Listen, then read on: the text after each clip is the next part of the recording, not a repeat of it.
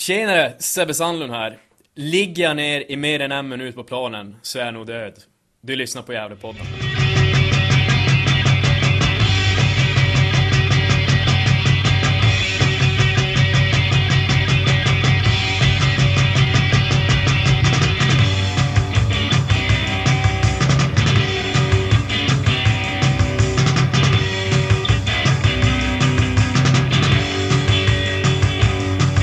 Hallå allesammans och hjärtligt välkomna till Gävlepodden nummer 152. Jag ska först meddela ett eh, med, viktigt meddelande från eh, Gävle IF där man eh, kallar till ett medlemsmöte, ett öppet medlemsmöte den 13 i tionde, alltså nästa söndag klockan 13.00. Så det är alltså två timmar innan matchen mot Akropolis. Och eh, man kommer att ha insläpp genom eh, VIP-entrén och det hela kommer att äga rum i VIP-restaurangen. Så från 12.45 är det insläpp för er som eh, vill komma på ett öppet medlemsmöte med Gävle IF. Och det är väl bra att ta chansen och gå dit och ställa de frågor som man undrar över. Sedan är det alltså match mot eh, Akropolis och det här är en så kallad tvåkronors match där eh, samtliga som kommer till Gavlevallen går in gratis och där Gävle IF får två kronor från eh, sponsorer för varje person som kommer till Gavlevallen. Så ryck tag i din bästa kompis, din ytliga bekanta, din svärfar, din mor eller far eller bara någon på gatan och ta med dem till Gävlevallen för eh, division 1 fotboll mot Akropolis, alltså klockan 15.00 nästa söndag den 13 i tionde. Då går vi över till podden. Mitt namn är som vanligt Andreas Ström och tillsammans med Johan Norrström, Niklas Backlund och Hugo Ådvall så står vi bakom Gävlepodden. Vi har också ofta på senare tid hjälp av Per Magnusson. Den här podden inleds med en lång intervju som Johan Norrström gjorde med Gävle IFs ordförande Malin Rogström, där hon besvarar era frågor om Gävle IF, bland annat eh, treårsplan, eh, vad hon eh, skulle ha gjort annorlunda och eh, det är också presentation av eh, en ny tillfällig sportchef i Gävle IF. Det fortsätter med två intervjuer, först med Io Ranera och eh, sedan med eh, Albin Luekangas, två intervjuer som jag gjorde i Örebro efter segermatchen mot eh, Rynninge. Sedan avslutas podden med ett analyssnack med eh, Johan Norrström, Per Magnusson och eh, Hugo Ådvall där man pratar igenom matchen mot Rynninge. Redigering står som vanligt jag, Andreas Ström, för. Vi vill också att du gärna blir en Patreon till oss i Gävlepodden. Då går du in på www.patreon.com Gävlepodden. Och där kan man eh, välja att eh, skänka pengar till oss varje månad. Minsta summan är en dollar, vilket är ungefär 10 kronor. Detta gör att vi kan eh, skaffa bättre utrustning, göra bättre poddar. Så vi tackar alla som redan är Patreon och hoppas att det är fler som vill vara med på tåget. Gilla oss också på Twitter, där heter vi Gävlepodden. Eller gå in på Facebook och sök efter Gävlepodden och gå med i Gävlepodden på Facebook. Med det sagt så vill jag önska er alla en trevlig lyssning.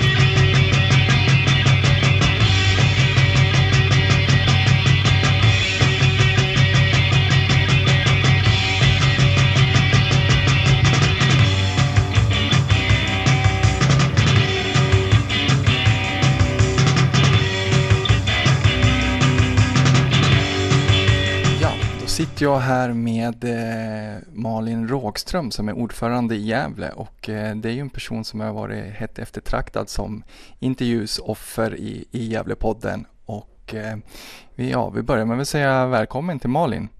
Tack så jättemycket. Väldigt roligt och ärofullt att få vara med.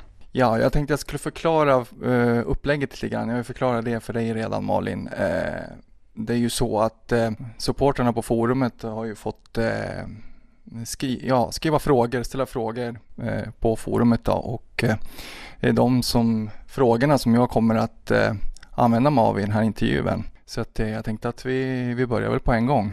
Första frågan den är från bollrullaren som undrar eh, om Malin har någon tidigare erfarenhet av att driva en idrottsförening eller liknande? Eh, driva en idrottsförening eller liknande? Jag har varit verksam i idrottsrörelsen i hela mitt liv och vuxit upp eh, vid sida av en farbror som har ägnat sig ganska mycket åt elitidrott. Han var bandytränare för både Baltic, Hammarby, Edsbyn och så. Eh, men jag har inte drivit någon idrottsförening tidigare. Jag har själv spelat fotboll och handboll. Eh, min största handbolls icke-merit var väl att jag blev uttagen till juniorlandslagsläger men vågade inte då åka dit. Det är nog den enda grej jag ångrar i mitt liv faktiskt, att jag inte gjorde det. Men eh, sen har jag ju varit chef och är chef i det eh, i mitt privata yrkesliv och har lett allt ifrån ja, mindre regionala redaktioner på SVT till eh, större avdelningar på SVTs riksnyheter, varit på Sandvik i globala roller och nu då även som utvecklingschef på Sandbacka Park. Men eh, en idrottsförening på det här sättet har jag inte drivit förut. Det var lite intressant, du svarade ju redan på, på nästa fråga från bollrullaren då så att eh, Ja men då fortsätter vi och eh, då är det Nicket Bob Hunds piprök som undrar, eh, kan Malin förtydliga vad treårsplanen handlar om och hur man arbetar med den, arbetar med den i dagsläget? Ja, då antar jag att Bob Hunds piprök syftar till treårsplanen som Marcus Bengtsson tidigare pratat om. Och i grova drag så handlar väl den om vi fick in till här laget nu i princip eh, 17 nya spelare efter att ha haft en hel mängd eh, provspelare på plats. Jag tror om jag inte minns helt fel att det var 59 eller 63 stycken. Eh, så år ett i treårsplanen handlar om att stabilisera. Sätta gruppen, få ett eh, spel som håller, ett stabilt försvarsspel och ett bra anfallsspel eh, och få ihop gänget helt enkelt. Eh, så det är väl år ett i treårsplanen, att stabilisera. År två skulle handla om att utveckla eh, att utveckla det eh, och år tre skulle handla om att prestera helt enkelt. Mm, ja, intressant. Eh, det där har vi inte hört tidigare lite så att, eh, så att det, det där har varit eh, ett diskussionsämne. Just det där med treårsplanen, lite vad den innebär. Så att ja, ja, det var ju roligt att få svar på den, verkligen. Ehm, sen så undrar han också, Marcus har ju sagt att Gävle ska vara Sveriges mest utvecklande miljö. Vad tror du han syftar på då? Eller är det någonting ni har diskuterat? Vi har ju nu ett gäng eh, väldigt unga spelare eh, och unga spelare behöver i regel utveckling. Eh, så det är ju vårt mål, att vi ska kunna utveckla de som kommer hit på ett väldigt bra sätt. Och historiskt så har ju Gävle IF också varit bra på det, kunnat utveckla spelare på olika positioner som sen har också gått vidare till andra klubbar. Eh, så att vara en av Sveriges främsta utvecklande miljöer eh, handlar ju helt enkelt om dels att vi utvecklar individer, alltså bra eh, fotbollsspelare på individnivå, men också att vi utvecklar bra lag. Eh, så att spelet sitter, att vi är en bra grupp, att vi vet vad vi ska göra i olika situationer, eh, att det finns strukturer och planer för olika situationer på planen så att man vet hur man ska hantera olika situationer och så givetvis att man har eget handlingsutrymme och kan ta egna initiativ, men med den tryggheten i grunden. Eh, och det där hör också ihop med att vi också nu gör om akademin. Eh, vi har tittat ganska noggrant på vår akademiverksamhet och sett ju att den har inte historiskt levererat spelare som har tagit plats i vårt A-lag och inte heller spelare som vi har sålt vidare sen till andra klubbar.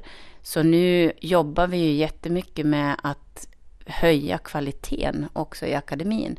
Och det handlar också om individ och det handlar också om grupp och där vi ska försöka förstärka nu både med mer mentorskap, eh, mer noggrann feedback, duktiga fotbollsinstruktörer eh, och för att helt enkelt utveckla spelarna och lagen. Nästa fråga då som kommer ifrån eh, samma Nick som undrar, hur ser Malin på säsongen så här långt? Är det något hon tycker att klubben borde gjort annorlunda så här innan säsongen? Ja, eh, jag har en reflektion när det gäller det faktiskt och det handlar om ekonomi eftersom fotboll och den verksamhet vi bedriver, inte minst på herrar A-lagsnivå, handlar också om ekonomiska förutsättningar. Eh, och då kan man väl se det som att i slutet på förra året, ungefär vid den här tiden, så satt vi i ett väldigt knepigt läge eh, där ekonomin inte alls såg bra ut, där vi var tvungna att vidta ordentliga åtgärder, gå igenom smärtsamma saker som varsel och säga upp folk i, ifrån organisationen. Eh, präglade av det så tror jag också att vi såg på 2019 års budget med ganska snåla ögon, ska jag säga. Eh, och nu går vi mot slutet av 2020 och, eh, nej, 2019.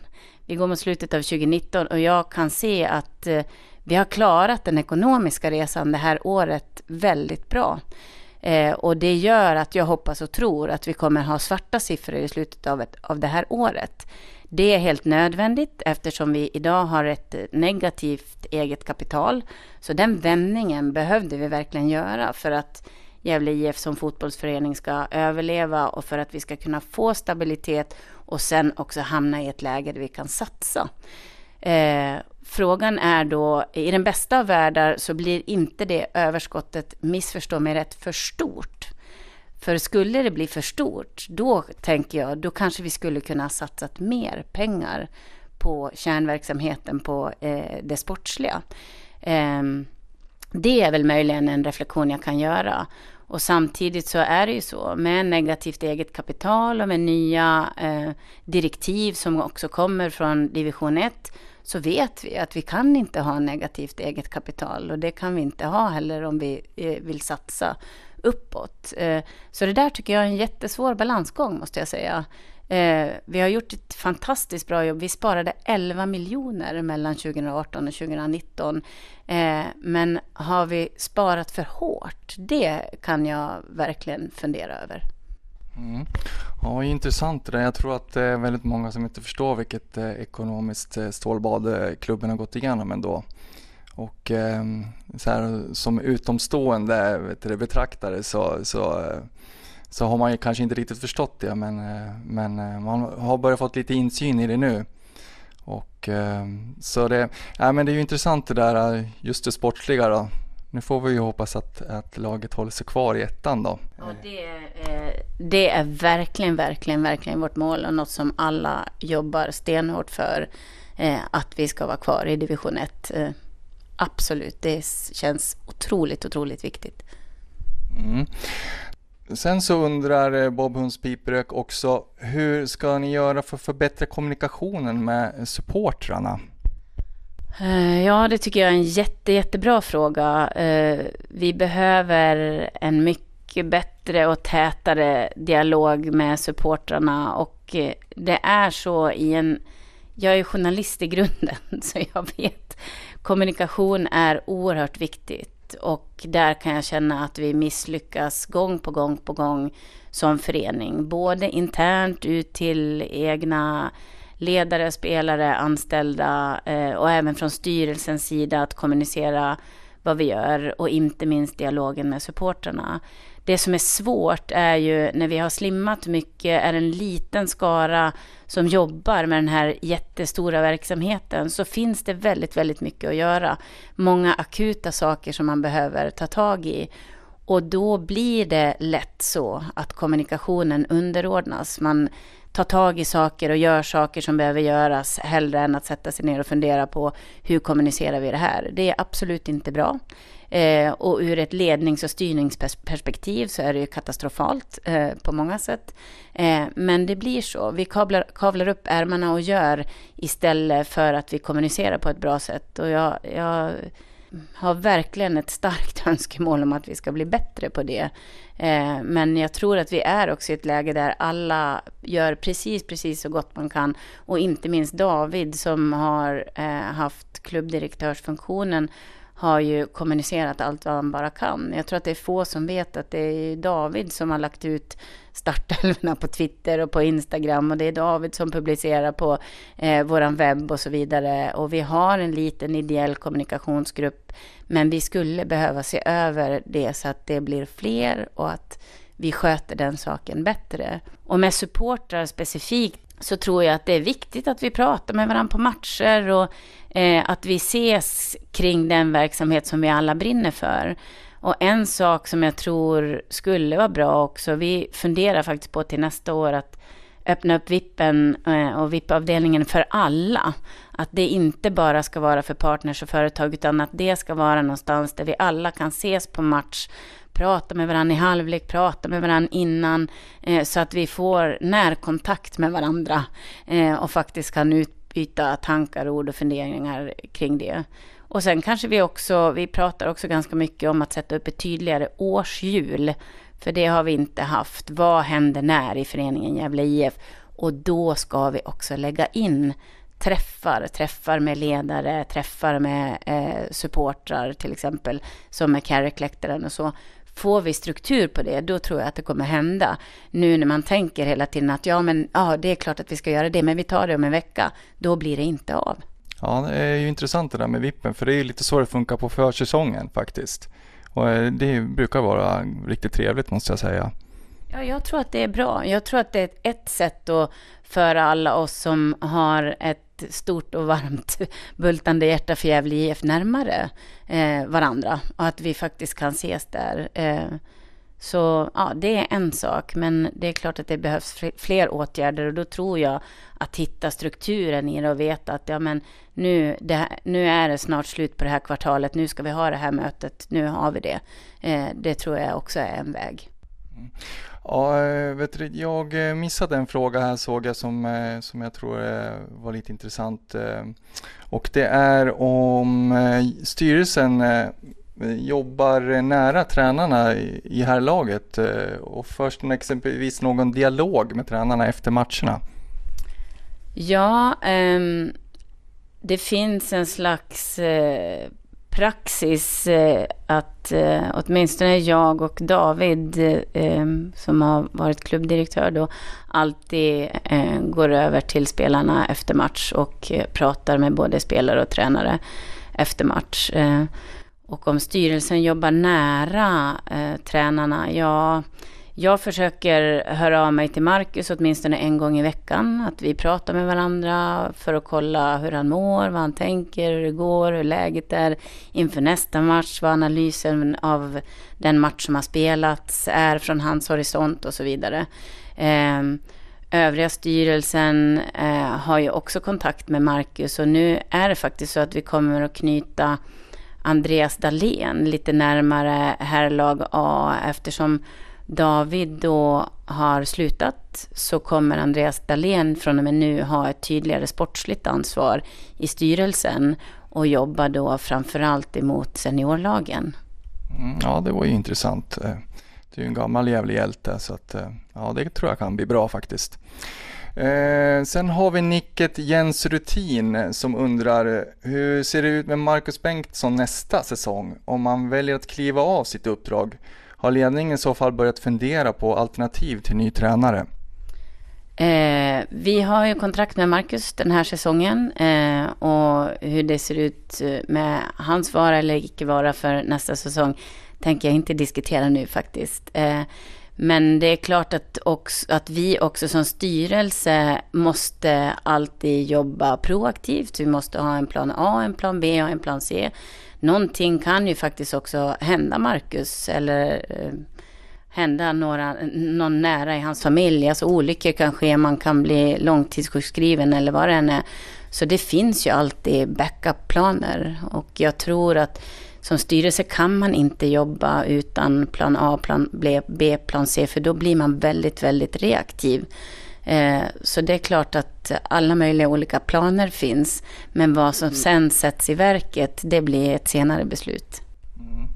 Ja, det, just den här tränarfrågan är ju, är ju någonting som diskuteras en hel del naturligtvis när, när det går dåligt och, och sådär. Och ehm, eh, Nicket He Scores har en fråga om John Wall som redan är lite inblandad i, i Gävle, eh, lite ytligt sådär. Uh, har man eh, haft några mm, planer på att involvera honom mer i, i arbetet i klubben och så. Det är ju en, eh, det är ju en kille som eh, vet du, har erfarenhet av fotboll både internationellt och, och vet du, nationellt. John Wall är en otroligt eh, kunnig person när det gäller fotbollsanalys och fotbollstaktik eh, och så vidare. Eh, vi är jätte, jätteglada för att han har varit med och suttit med i akademikommittén och hjälpt oss att ta fram den här reformeringen utav eh, akademin med hans kunskaper. Han har också ett jättestort och bra nätverk inom fotbollen. Eh, så vi är ju otroligt tacksamma och glada över allt som han kan bidra med. Han har ju också ett annat jobb. Han driver ju också ett eget företag och eh, har andra uppdrag. Så just nu så tror jag han är inne och gör det som han kan bidra med. Men eh, vi har ju ja, goda kontakter med honom och han hjälper oss just nu eh, mycket med det här akademiförslaget. Mm. Ja, eh, om vi går vidare då så vet du, har vi Capone, Nicket Capone som undrar hur går det med rekryteringen av ny klubbdirektör och blir det ett heltidsjobb om klubben åker ur division 1? Ja, nu har vi gjort klart med en TF-lösning med Linda som är vår ekonomikontroller. Så hon kommer ju att vara eh, tillförordnad året ut. Eh, vi håller på att göra eh, en analys och titta på vad är det egentligen föreningen skulle behöva. Och det är väl ingen rocket science. Det, det är ganska tydligt att vår kärnverksamhet har med eh, sporten fotboll att göra. Så att skruva rollen mer mot det sportsliga skulle vara ett bra scenario, tror vi. Men det förutsätter också eh, på många sätt att vi är kvar i division 1. Eh, hur, hur det skulle bli i division 2, eh, då tror jag att rollen kanske behöver se lite annorlunda ut. I, i ett division 2-scenario, vilket vi också förstås ur, styr, i styrelsens arbete tittar på. Hur skulle en budget kunna se ut i ett division 2-scenario? Det måste vi göra. Vi kan inte stå där en dag i november och bara inse att oj, nu händer det här, vad gör vi nu? Utan vi måste ju vara proaktiva och titta på alla möjliga saker och ha olika planer. Eh, så i ett division 2-scenario så kanske rollen skruvas åt ett annat håll. För då finns det också andra behov. Eh, och det handlar fortfarande också om att ta hand om hela den här föreningen. Inte bara ett herrar A-lag utan det är en stor förening, Gävle IF Fotboll. Mm. Ja, vi var inne och pratade lite och snudda lite på det här med ekonomi tidigare och eh, nästa fråga är från Andreas Ström som undrar hur gick tankarna kring bolagiseringen egentligen och, och priset på aktien? Tycker du att eh, ni fokuserar på rätt målgrupp då?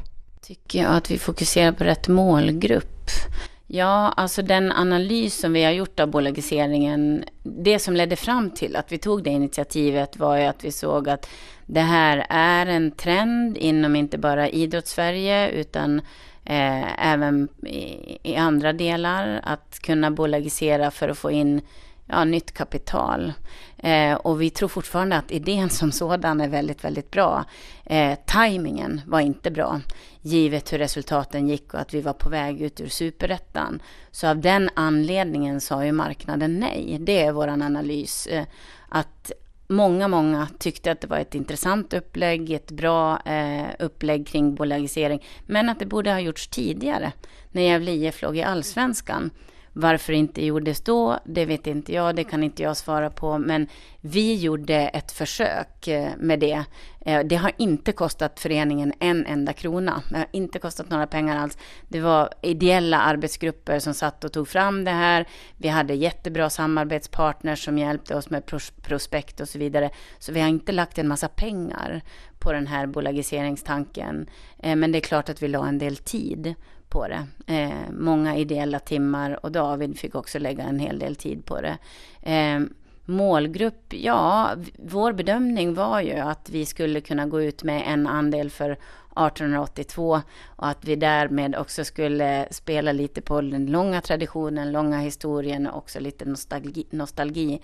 Eh, men vår analys visar att det var tajmingen kopplat med de sportsliga, sportsliga resultaten som inte alls blev bra. Mm. Ja, jag har väl tänkt på det mer ur, ur att eh, jag tycker att prislappen varit lite för hög. Eh, det var, det var svårt att motivera det hemma och jag vet att eh, Andreas som har ställt frågan också när han skulle tala om det för sin vet det, sambo liksom, så, så var det liksom blankt nej. Jag tänker att om man hade en lansering på det här med aktien på tre månader då hade aktien kostat 500 då hade jag kunnat köpa tre stycken. Nu, nu hade jag tyvärr inte råd med med en enda då, så att eh, det, var väl, det var väl därför Andreas ställde just den här frågan då. Ja, ja nej men eh, det är givetvis bra synpunkter som vi får ta till oss. Jag tror att eh, den där idén går att ta tag i igen och med ett fint ord revitalisera. Men då tror jag att vi behöver vara backade av mer sportsliga framgångar för att kunna göra det jag tror fortfarande på idén som sådan. Den har funkat för andra, så varför skulle den inte funka för oss? Ja, nej, jag tror också det, men jag tror att ni i så fall borde vet det, fokusera lite på att få, få supportrarna med sig. Liksom. En bättre prislapp helt enkelt, ja. så, så tror jag att då tror jag faktiskt att det kommer att funka. Ja, men vi går vidare och eh, nu är det Per Magnusson som undrar eh, han hade läst det här i Aftonbladet eh, angående att division 1 är den ekonomiskt tuffaste serien i Sverige. Hur ser du på det och hur planerar klubben att tackla detta i framtiden? Ja, men jag tror att den analysen är väldigt riktig. Aftonbladet har ju gjort ett gediget jobb, pratat med många och jag vet ju också från ordförandemöten med mina kollegor i division 1 att det är väldigt, väldigt tufft för många. Eh, det finns ju en jättestor risk i en Lyxfällan-effekt i fotbollen och den finns absolut också i division 1. Det vill säga att man eh, investerar i en dyrare spelartrupp än vad man egentligen har råd eh, till. Och det är en väldigt jämn serie. I princip alla lag kan slå alla lag. Eh, så risken man tar är ju ganska stor. Kommer jag att få payoff på min investering, det vill säga kommer vi gå upp? För det är ju det alla strävar efter förstås, att hamna i superettan. Eh, så det är ju ekonomiskt tufft och det är jättelätt att dras med i den här budgivningen på spelare och hamna med större utgifter än man egentligen klarar av. Eh, och mot bakgrund av det jag sa tidigare så vi har ju försökt hålla emot och inte göra det i år. För för oss har det varit väldigt kritiskt. Vi behövde vända ekonomin i år och det tror jag med största, största sannolikhet, givet att det är några månader kvar av året nu, att vi kommer att göra. Men eh, har vi gjort det för skarpt? Det är väl möjligen det som jag då kan fundera över. Gör vi, vänder vi ekonomin nu eh, och ser att vi har svarta siffror, då kan vi på något sätt också börja satsa. Men det vill ju till också att vi ligger kvar i division 1 och att vi har med oss partners. Eh, vi har spännande nya partners på väg in som vi tror väldigt mycket på och som vill hjälpa oss att satsa uppåt. Eh, så jag hoppas, hoppas, hoppas nu verkligen i slutspurten att allting kommer gå våran väg så att vi verkligen får de möjligheterna. Mm. Eh, sen har vi en fråga från eh, Andreas Ström igen. Eh, han undrar lite, och det här har ju du varit inne på också. Eh, han borde Gävle ha en akademiverksamhet eh, överhuvudtaget med tanke på den ekonomiska situationen som klubben befinner sig i. Eh, klubben har ju ingen tradition av att lyckas utveckla egna talanger utan eh, snarare har det ju varit så att man har varit väldigt duktig på att utveckla spelare som man har värvat till klubben. Ja, och det är ju en bra relevant fråga. Den kan man ställa sig och den har vi ju också stött och blött på styrelsenivå under det här året. Och vår analys har då landat i att eh, att ha en akademi eh, och ha den finansierad som vi hade tidigare, det går inte. För den har varit underfinansierad. Eh, nu har vi sett över den. Vi kommer att eh, slimma antalet spelare som vi kom, eh, tar in. Vi kommer att jobba på ett annat sätt. Det kommer inte alls vara lika frikostigt heller längre med stora bussar, mat, allt det där har vi sparat in på. Eh, så vi har skurit en massa kostnader och försökt också parera deltagaravgiften till mer vad vi behöver för att få det att gå runt. Eh, sen behöver vi jobba mer på partners som till exempel är beredda eh, att satsa på den här eh, typen av verksamhet som akademin är. Jag tror att det är jätteviktigt för en eh, förening som Gävle IF att ha verksamhet för barn och ungdomar som också är mellan 16 och 19 år. Eh, I år ser vi ju det i vår egen trupp, att vi har flera stycken som kommer från vår egen akademi vad hade vi gjort i år om vi inte hade haft det? Var hade vi hämtat de spelarna eh, och hur mycket hade det kostat? Det är också en fråga som man kan ställa sig. Så jag tror att det är en jätteviktig verksamhet. Jag tror absolut att den kan utvecklas så att vi kan leverera mer kvalitet än vad vi tidigare har gjort. Och vi kan definitivt göra den mer kostnadseffektiv. Det har vi redan gjort. Men vi behöver också jobba på att locka till oss bra eh, fotbollsinstruktörer som också har eh, rätt utbildning och jag tycker att vi börjar landa det på ett bra sätt. Sen är det också viktigt eh, att ha den här möjligheten både för tjejer och killar. Eh, historiskt har vi haft det bara för killar. Samhället ser inte ut så längre och ska inte göra det heller. Det är oerhört viktigt att vi har den möjligheten för alla. Eh, och nu har vi det för både tjejer och killar. Eh, och jag ser också ett stort, vad ska jag säga, socialt ansvar i det. Ehm, vi har många av spelarna i vår akademi som har spelat i Gävle IF sedan de var små. Vissa var talanger tidigt, vissa har blivit talanger eh, senare. Och många av de som finns i vår akademi behöver verkligen den här verksamheten också på många olika sätt. Inte bara för att utvecklas som fotbollsspelare. Eh, så att ha verksamhet för ungdomar mellan 16 och 19 tror jag är ett måste. Ska det vara i akademiform? Eh, ja, vi har kommit fram till att vi tror att vi kan göra det bättre och att vi på längre sikt till och med skulle kunna tjäna pengar på det. Ja, intressant. Eh, det där tror jag var ett eh, svar som eh, Andreas tyckte var bra. Vi har haft lite diskussioner, han och jag, om det där akademi, om, det, om man borde ha akademi eller inte. Ja, men vi går vidare. Buller-Enok på forumet undrar, har klubben de ekonomiska förutsättningarna att hyra Gavlevallen nästa säsong?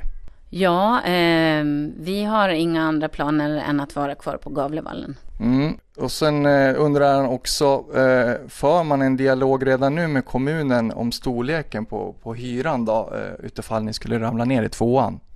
Vi för en kontinuerlig dialog med kommunen eh, och jag tror att eh, skulle det, gud förbjude, eh, handla om division 2 så i sådana fall så är det snarare ytor man får se över, hur stora ytor vi ska hyra.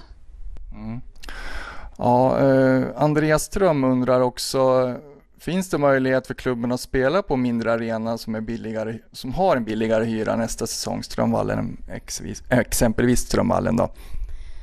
Ja, Strömvallen är all ära. Jag tycker att de som är engagerade i Strömvallen fotboll, där ju också Gävle IF ingår, eh, har gjort ett fantastiskt jobb med Anders Nordén i spetsen och eh, har renoverat eller rustat upp den jättefint. Men eh, mattan är nog inte vad den borde vara för att vi skulle kunna ha eh, seniorfotboll där och inte heller ha eh, akademiverksamhet där. Då, I sådana fall så skulle eh, själva planen behöva rustas upp och göras bättre som jag ser det. Mm. Ja, det är väl lite nostalgi från våra, för, ja, från våra, från supportrarnas håll det där är naturligtvis också det där med Strömvallen, det, det, det sitter ju i sen, sen länge. Det är ju det är många som har lite svårt att, att liksom smälta att, att vi har flyttat upp hit till Säteråsen och så. Alltså. Ja, det är en fantastiskt fin arena. Eh, och jag tycker att det är jättekul att den är öppen igen och det behövs också för fotbollsstaden Gävle. Att vi har Strömvallen och att den planytan också finns. Eh, och är öppen för flera lag. Det tycker jag är en jätte, jättebra lösning. Men jag tror att ska, skulle det bli hårdare tryck på Strömvallen och att man skulle nyttja den mer ofta och frekvent, då, då, då måste någonting göras åt mattan. Och nu ska ju mattan på Gavlevallen eh, bytas ut. Det ligger ju i planen för kommunen under nästa år. Mm.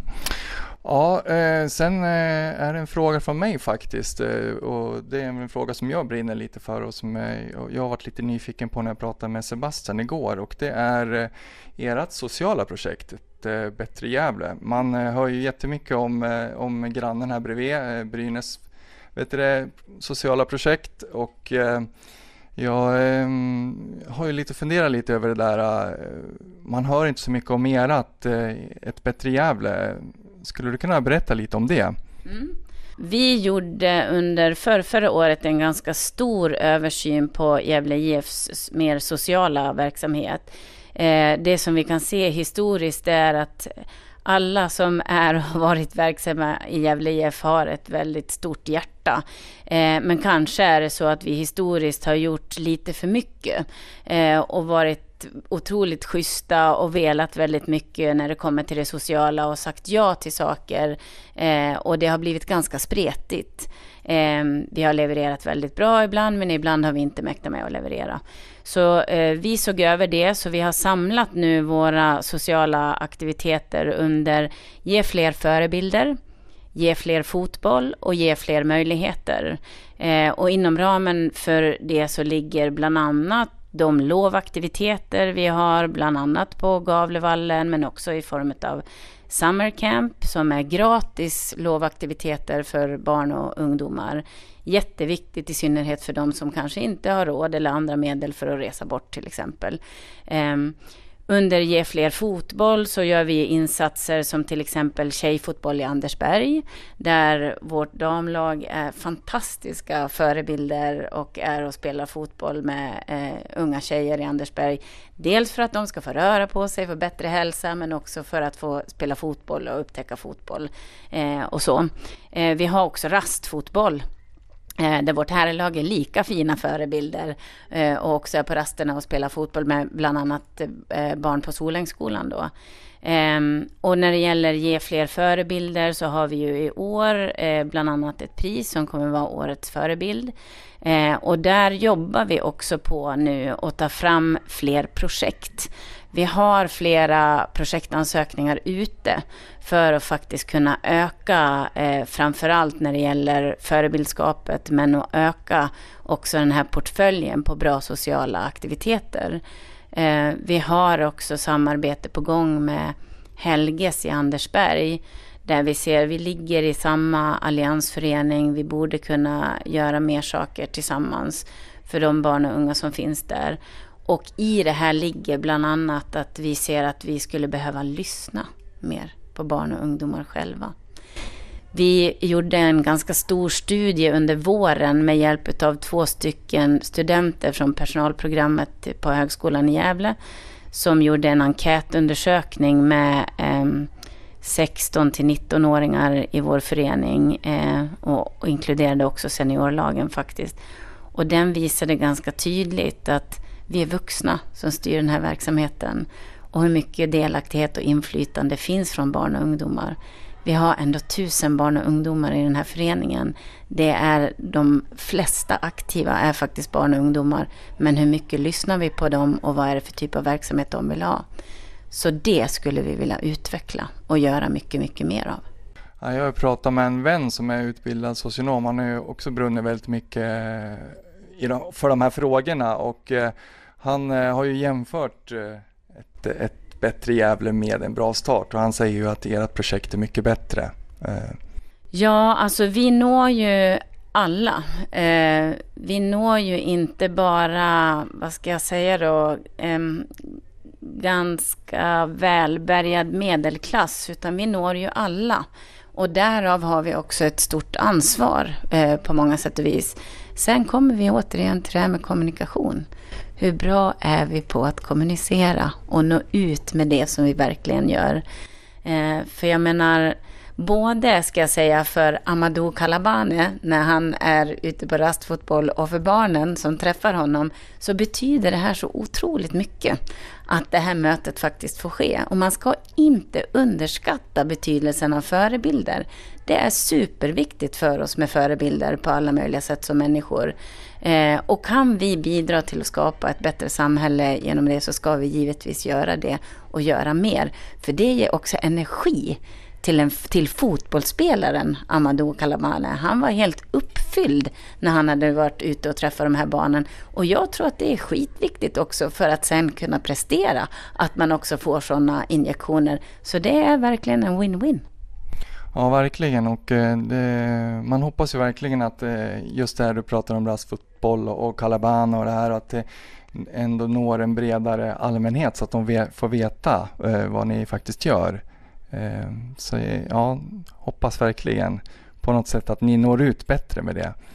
Ja, och sen tror jag att vi har ett jättestort internt arbete att göra i att också jobba igenom den värdegrund som Gävle IF eh, står för och vad, vad är en positiv förebild för oss. Där är vi bara på början av en resa. Vi skulle behöva jobba mycket mer med att prata med ledare och våra egna lag om det här förebildskapet för att andra lag, eh, domare, ledare, eh, människor i samhället har förväntningar på oss som bär Gävle IFs eh, klubbmärke på kläderna eller på bröstet. Så vi behöver verkligen jobba igenom den värdegrunden mycket mer för att ha en gemensam bild och för att verkligen också leva den.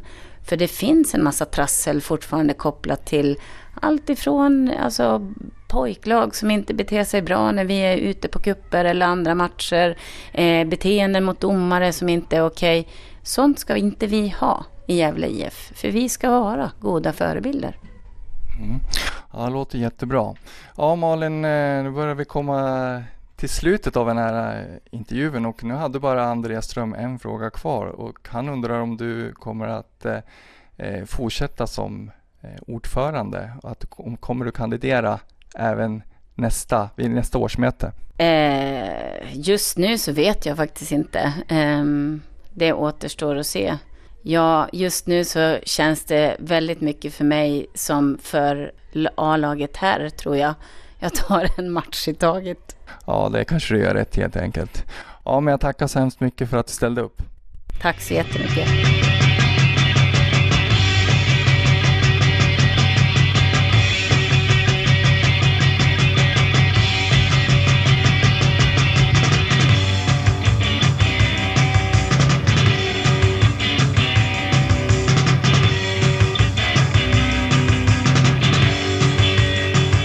Ja, hallå, det här var Andreas Ström från Gävlepodden och jag står här efter eh, 0-1-vinst eh, mot eh, Rynninge här i Örebro.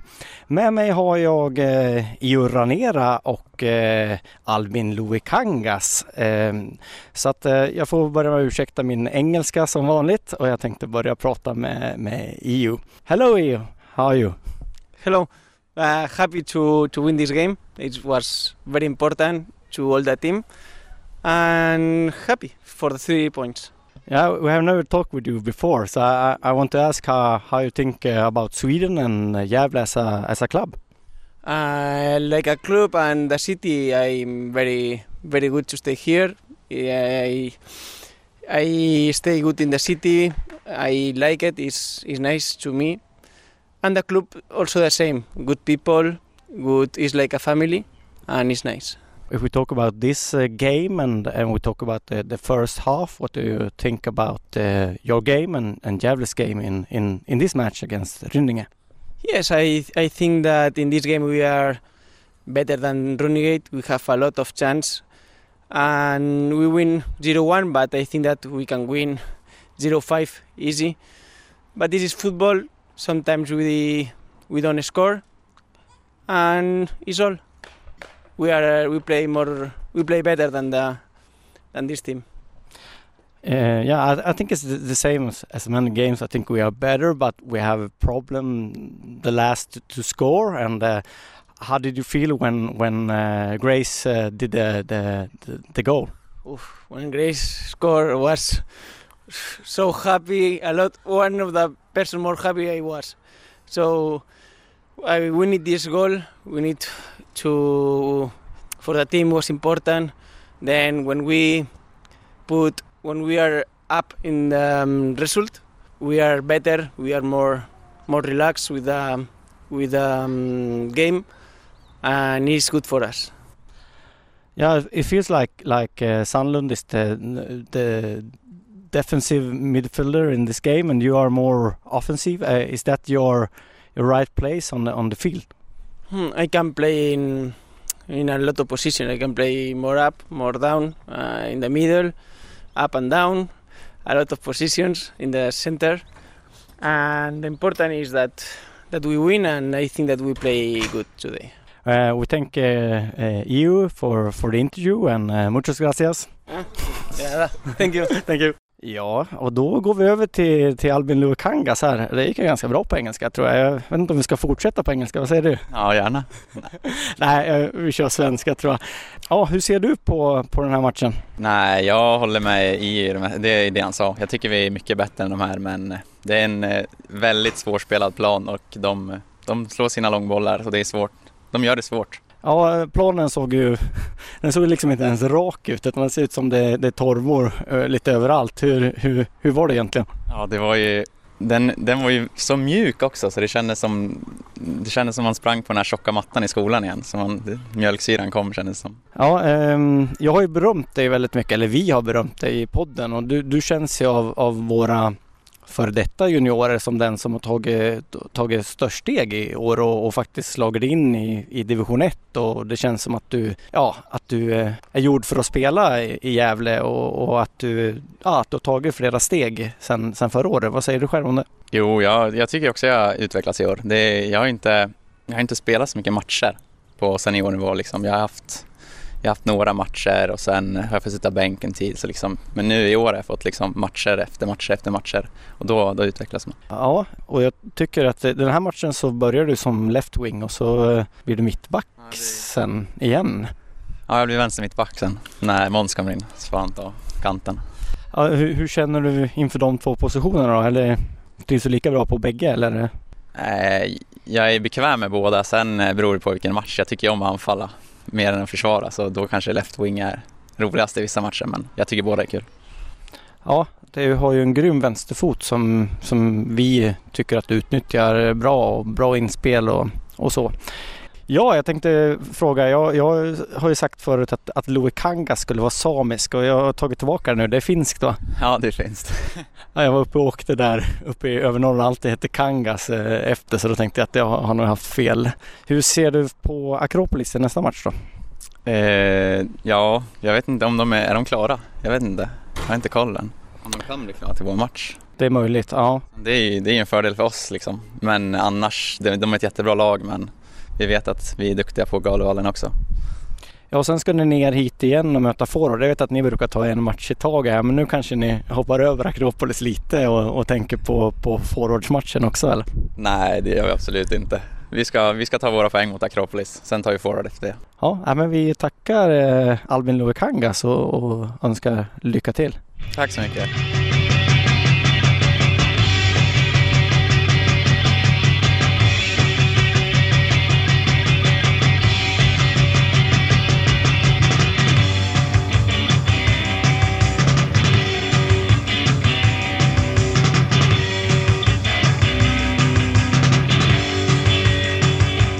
Välkommen till Gävlepodden och eh, våran analys av eh, vinstmatchen mot Rynninge.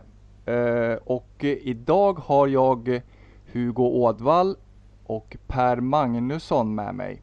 Hejsan grabbar, hur är läget? Hallå, det är bra. Bara fint. Ja, samma här. Bara bra. Ja, härligt, härligt. Per, eh, du var ju på plats i Örebro eh, på eh, den här arenan, eller vad ska man kalla det, idrottsplatsen som jag inte minns namnet på nu. Grenadjärdsvallen tror jag att den heter.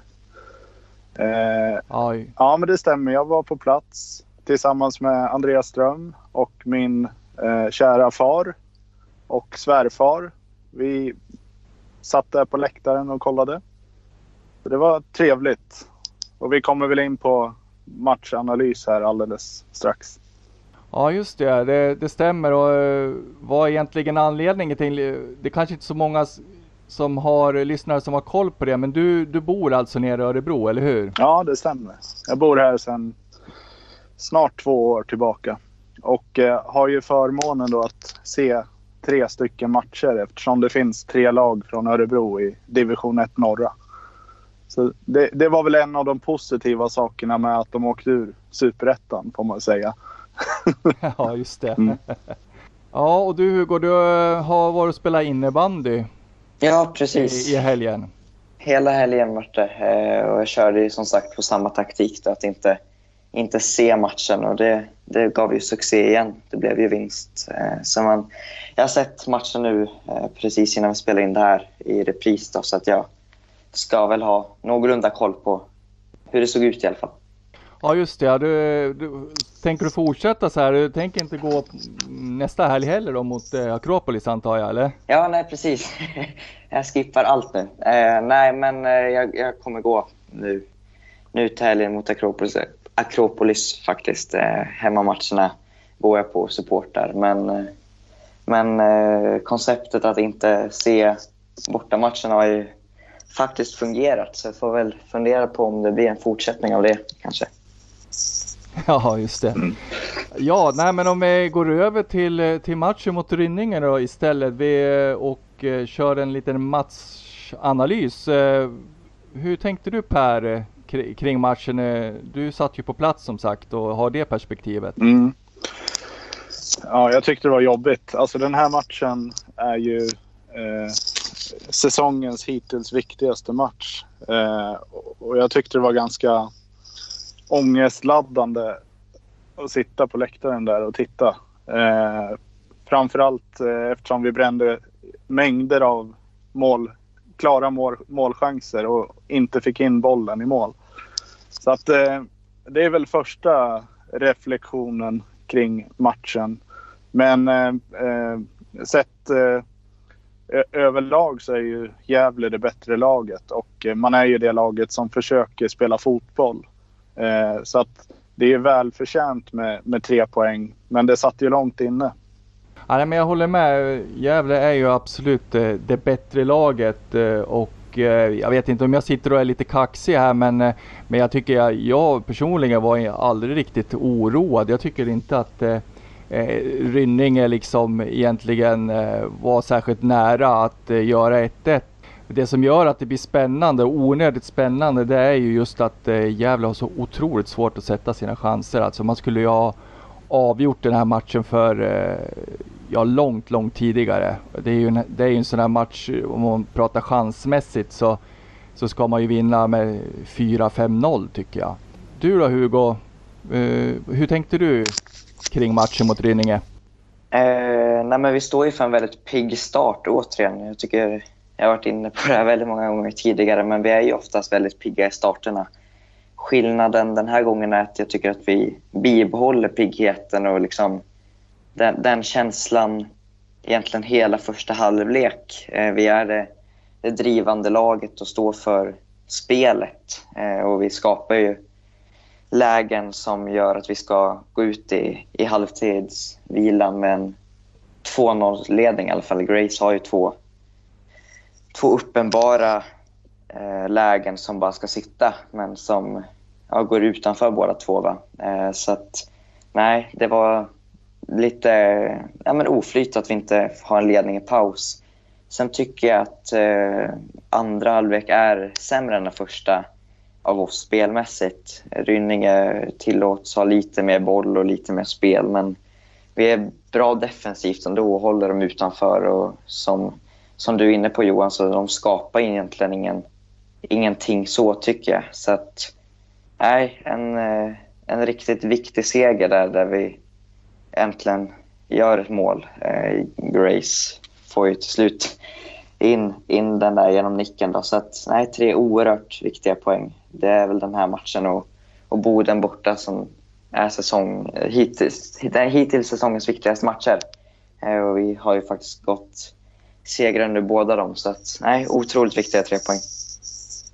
Ja, jag håller verkligen med. Eh, det var någonting som du sa Per också eh, om eh, underlaget där i Örebro. Att ni hade pratat med lite spelare i Gävle efteråt och att de hade pratat lite om underlaget. Vad sa de? Ja, men det, jag kunde känna det själv. Alltså, när man går in på den arenan så går man liksom in på eh, gräsmattan. Det är väldigt så här, tänk eh, eh division 6 fotboll på någon liten idrottsplats. Det är den känslan.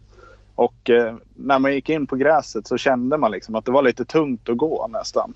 Eh, så att det de sa efter matchen, och det tycker jag man kunde se i andra halvlek också, eh, var att det var väldigt tungt att springa på den här mattan. Benen tog slut. Och eh, det var väl det som oroade mig också där när vi inte fick in bollen. Och jag tycker att man kunde se att vissa spelare liksom tappade krafter där eh, mot matchminut 70 kanske. Eh, så det var ju väl... Jag tycker det var skönt att vi fick in målet till slut då. För att man såg att de tröttnade, spelarna.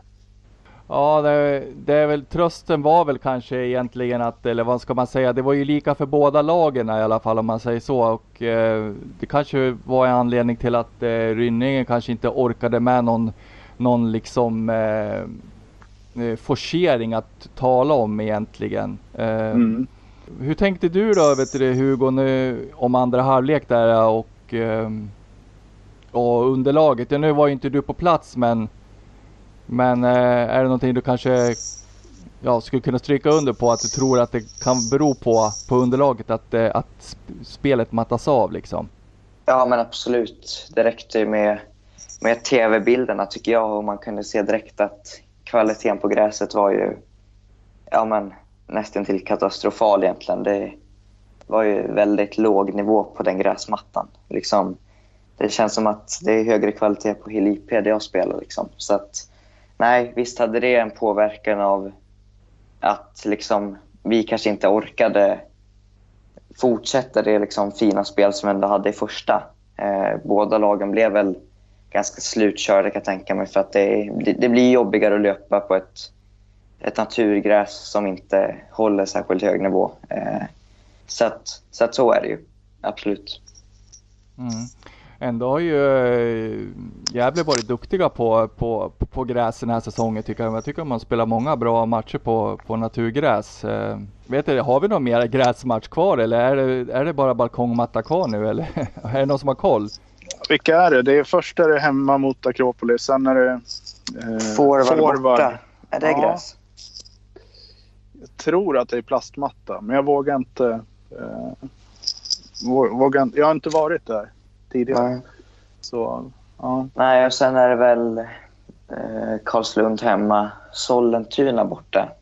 Kan det vara gräs eller, ja. eller är det konstigt där? Nu gissar vi bara. nu sitter vi bara och gissar. det är nästan så att man får hoppas att det är någon mer gräsmatch. Ja. Som sagt, de, eh, de, de, har spelat bra på gräs den här säsongen. Så att, eh. ja, precis. Nej, men det, sen det som jag tänkte på innan då, alltså den här ångesten som jag pratar om. Det handlar ju om att vi har så fruktansvärt svårt att göra mål den här säsongen. Och sen också det här faktumet att vi eh, vid upprepade tillfällen har släppt in mål i slutet. Och det där sitter ju kvar liksom. Men man ro, vågar ju inte ropa hej förrän liksom, sista sparken är, är klar där ute. Och eh, ja, det var det blir mer påtagligt när man är på plats än, eh, än eh, sitter och kollar på tv-bilder. Jo, men jag tänkte säga så jag också att eh, det, det, är alltid lite mer nervöst på plats och sen, eh, ja. Mm. Det, blir, det blir lite mer nervositet att eh, ta på så att säga. Så att eh, det, men det kändes jäkligt skönt när, när domaren blåste av alltså. För det, det var ju tre poäng som de verkligen behövde. Mm. Ja, och eh, nej jag vet inte. Det känns speciellt också att vara på den där lilla arenan tycker jag. Eh, och det var väldigt så här, gemytlig stämning och spiken var ju väldigt gullig också. Så fort de bytte en spelare så var det att vi tackar den här spelaren så mycket för att den har, har spelat. Och nu kommer nästa duktiga spelare in. Alltså det var på den nivån. Eh, och, och sen var det roligaste situationen var ju när eh, när domaren gjorde ett felaktigt beslut tyckte Carrick-läktaren.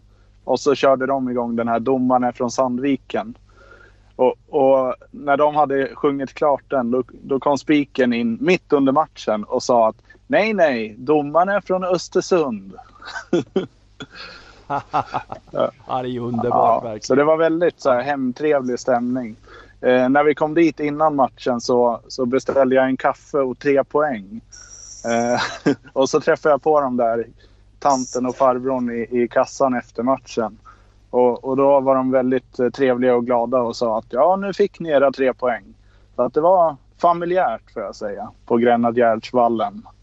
Ja, man kan väl, man kan väl kanske känna av att, eh, att, eh, att åka ur division 1 eh, för Rynninge, det är inte riktigt samma sak som, eh, som, eh, som det skulle vara för Gävle att åka ur om man säger så. Nej, alltså det, det var det jag kände också. Att det här var, det här var botten på något sätt. Vi måste ta oss ur det här liksom, idrottsplats eh, historien och komma uppåt igen.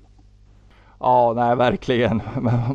Man skulle behöva komma upp på superettanivå åtminstone tycker jag. Mm. Absolut. Du, en annan reflektion som jag hade grabbar eh, angående matchen, det var att eh, Calabane inte spelade centralt eh, och eh, jag tycker att det såg ut som att ehm, det var lite ovant för honom. Att han inte riktigt kom till, ut till sin rätt ute på kanten sådär. Var det någonting ni tänkte på? Han såg väl lite, ja, han såg väl lite obekväm ut kan jag tycka. Eh, Det såg liksom inte, som du säger, det såg inte rätt ut. Jag tror att Jaja eh, mår väldigt bra och hela Gävle egentligen mår väldigt bra av att ha honom som en central drivande ledare där i mitt, mm, mittlåset liksom, eh, i, försvar, i försvaret. Då. Och nu blev ju liksom inte han ledaren på samma sätt där i och med att han kliver ut på vänsterkanten. Sen Mm. tycker inte jag att han gör bort sig på något sätt men det är ju det, det märktes skillnad när han spelade där mot för ja, mitt, mitt back eller mittfältare som han har varit nu på slutet. Då.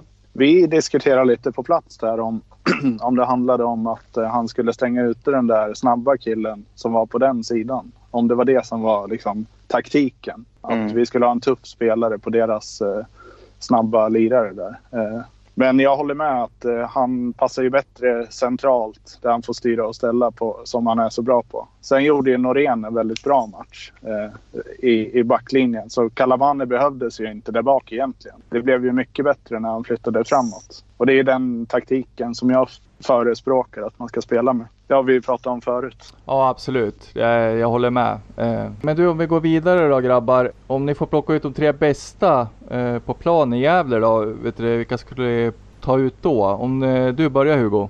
Oj, tre bästa. Eh, jag tycker att Louis Kangas faktiskt gör en väldigt bra match ute på sin vänster wingplats eh, som han spelar på eh, här. Då. Jag tycker att han är pigg och spelbar i egentligen alla anfall och framförallt i första halvlek så bygger egentligen nästan alla våra farliga lägen på att vi genom fina kombinationer kommer ut på hans vänsterkant och han med sin vänsterfot kan skicka in bollen i straffområdet. Så att Albin tycker jag är väldigt bra.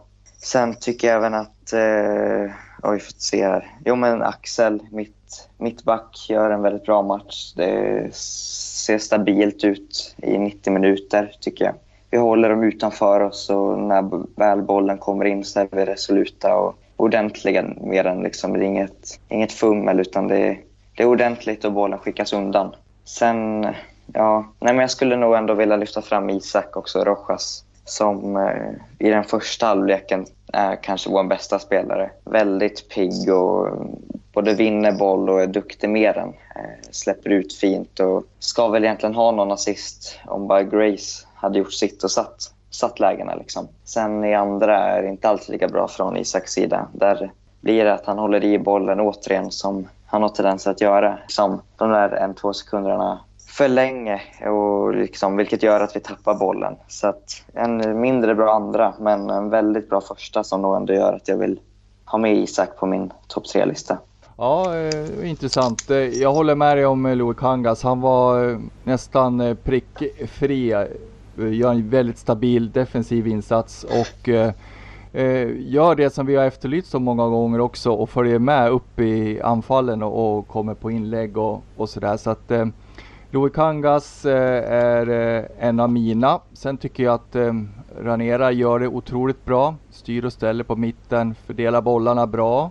Det är ju jätteskönt att han är tillbaka i startelvan. Så eh, ja, min lilla dark horse eh, ändå eh, så vill jag nog ändå eh, ha Tanda med som en av de här tre. Jag menar gör man mål så, så, så är man ju förlåten. Det, han gör ju målet som, som ser till att det blir tre poäng. Så att eh, ja, nummer tre för mig är eh, Tanda. Hur ser du på, på det här då Per med, med de tre bästa spelarna? Ja, svårt att vara sist här också. Louis håller jag med om. Ja, jag vet inte. Norén som, som jag sa tidigare var väldigt stabil där bak tycker jag. Nu var det kanske inte svåraste matchen för backlinjen men jag tycker hela backlinjen var bra i matchen. Vågar man säga Tanda? Till slut. Ja men det tycker jag. Jag Ja. tycker du ska hålla med mig. Ja, jag håller med. Eh, fan, han borde ha gjort fler mål i första halvlek. Men han avgör ju matchen till slut. Och jag hoppas att det lossnar nu. För, hon, för han, han kommer ju till de här lägena också. Han, han är ju stark när han tar sig fram till de här lägena också. Men det är ju det där lilla avgörande momentet där de ska sitta i mål som han får öva lite extra på i veckan här. Ja, verkligen. Jag håller med. Ja, men det är, han, han skapar ju massor av lägen och, och vissa lägen skap, liksom skapar han ju på egen hand också. Så att det, jag tycker att eh, Grace gör en jätte, jättebra match. Mm. Vi kan väl peta in det också. Vi hörde lite, det var någon som tyckte att, eh, att publiken eller att eh, supportrarna skulle eh, vara på Tanda extra mycket från läktarhåll. Och eh, i alla fall den här matchen, nu har inte jag varit på så många matcher, så vill jag hävda att det handlar snarare om att publiken vill ju såklart att, att det ska bli mål. Och så skriker man på att eh, ja, man blir arg för att det inte blir mål. Men det är inte riktat mot honom så att säga. Jag vet att den diskussionen uppstod lite grann. Det var alltså några spelare i, i, Gävle som tyckte att eh, Kari Klektan var lite väl hård mot Grace, eller? Jag behöver väl inte säga vem det var då, men eh, det, det var någon fågel som viskade i örat sådär. Eh, att eh, det skulle finnas de eh, vibbarna. Men det, det skulle jag vilja dementera. Jo men det blir ju lite så också att eh, alltså när det blir en miss så med tanke på det, det utsatta läge som eh, klubben befinner sig i så är det klart att det blir en del frustration när inte bollen går in i mål. Så att det, det kan jag hålla med om att man kanske måste ha en viss förståelse för att det blir lite, Mm. att det blir lite liksom besvikna röster från läktaren. Mm. Ja, nej men om vi ska gå vidare då eh, och blicka framåt. Eh, nästa helg då är det Akropolis hemma och det är en eh, så kallad tvåkronasmatch och det betyder att publiken går gratis. Gävleborna går gratis och, och ja, är man från Sandviken får man också komma in gratis. Och två kronor, det är vad vet du, vissa sponsorer alltså skänker för, för varje åskådare. Så att det, det är jätteviktigt för, för Gävle att, eh, att det dyker upp folk nästa helg. Men eh, om vi ska sia lite om resultat och sådär. Vad tror du Per? Eh, eh vad är Gävles chanser mot Akropolis nästa helg? Ja, nu vann man ju mot forward idag eh, med 2-1. Och man är ju så gott som klara för superettan. Eh, det är väl ett poäng till, eller två kanske man behöver på... Är det fyra matcher kvar eller? Ja just det. Ja. Ja, så jag hoppas ju att motivation slår klass på något sätt och att eh, Gävle är så pass motiverade att man bjuder, bjuder upp eh, den här matchen och eh, tar tre viktiga poäng. Ja, nej, det, det skulle vara otroligt viktigt och otroligt skönt faktiskt om man, om man kunde rubba Akropolis eh, och, och i alla fall hänga med resultatmässigt sådär för, för fortsättningen. Att det, att det som inte blir någon genomklappning utan man verkligen ger Akropolis en, en riktig kamp om eh, poängerna. Eh, vad tror du då Hugo? Eh, nu ska ju du se den här matchen så. Ja, eh, lär det väl gå åt helvete. Ja.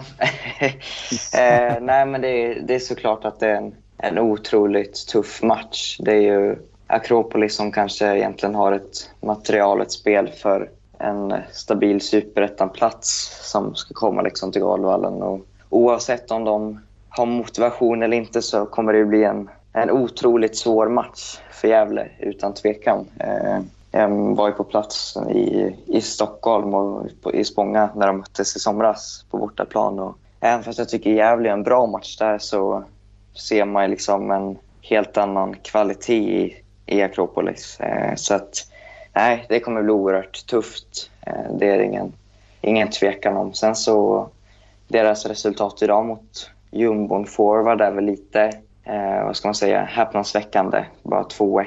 Inget riktigt, liksom, det är ingen överkörning från Akropolis sida. Och vi vinner ju nu ganska starkt och så, så att alltså, allt kan hända, bollen är rund. Så är det, men eh, det kommer bli tufft. Så kan jag säga. Mm.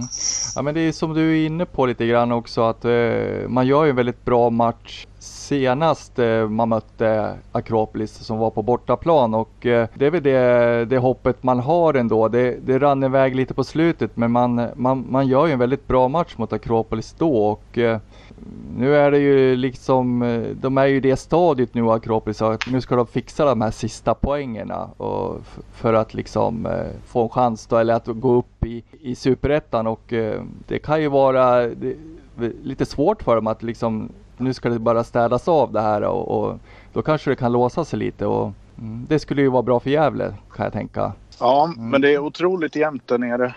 Nu var det ju eh, ett par matcher idag också. Eh, Nyköping, TG 1-1. De ligger ju precis i, i samma poäng. Eh, något poäng som skiljer bara. Och så eh, slog Linköping Sollentuna va? 4-0. Ja just det. Eh, och det var ju skönt eh, som Gävle-supporter. För de ligger ju ett poäng bakom. Så att eh, resultaten går ju åt vårat håll. Och, och det är, alla matcher kommer vara viktiga här framåt. Akropolis kommer bli svårt. Får vi en poäng där så ska vi vara nöjda på förhand. Sen är det ju framförallt eh, matchen efter mot forward. När jag får gå här i Örebro igen. Där man ska ha med sig tre poäng. Och sen är det bara kriga in i sista omgången. Eh, vilken, eh, vilken dag är det matchen eh, de spelar mot forward? Är det lördagen eller söndagen Per? Vet du det? Oh, jag vet inte det faktiskt. Nej. Eller kolla upp det för det, det vore ju faktiskt skönt att kunna åka ner och så man får se en, en borta match i år i alla fall. Ja. En lördag är det. Det är en lördag. Lördag 19. Ja, Perfekt. ja just det. Ja. ja det måste jag Du, verkligen du är titta upp. välkommen ner. Ja men vad härligt. Mm. Härligt. Men eh, grabbar, eh, jag tror att det, det var allt, eh, allt för ikväll. Det var jäkligt kul att, att snacka lite. Mm. Ja, Detsamma. skönt att få vara med i en segerpodd till slut. Har ju missat Ja, om det på precis. slutet. Ja, du har ju gjort det. Ja, ja men eh, tusen tack grabbar. Ni får ha det så gott. Detsamma. Detsamma. Hej hej. Hej hej! Hej.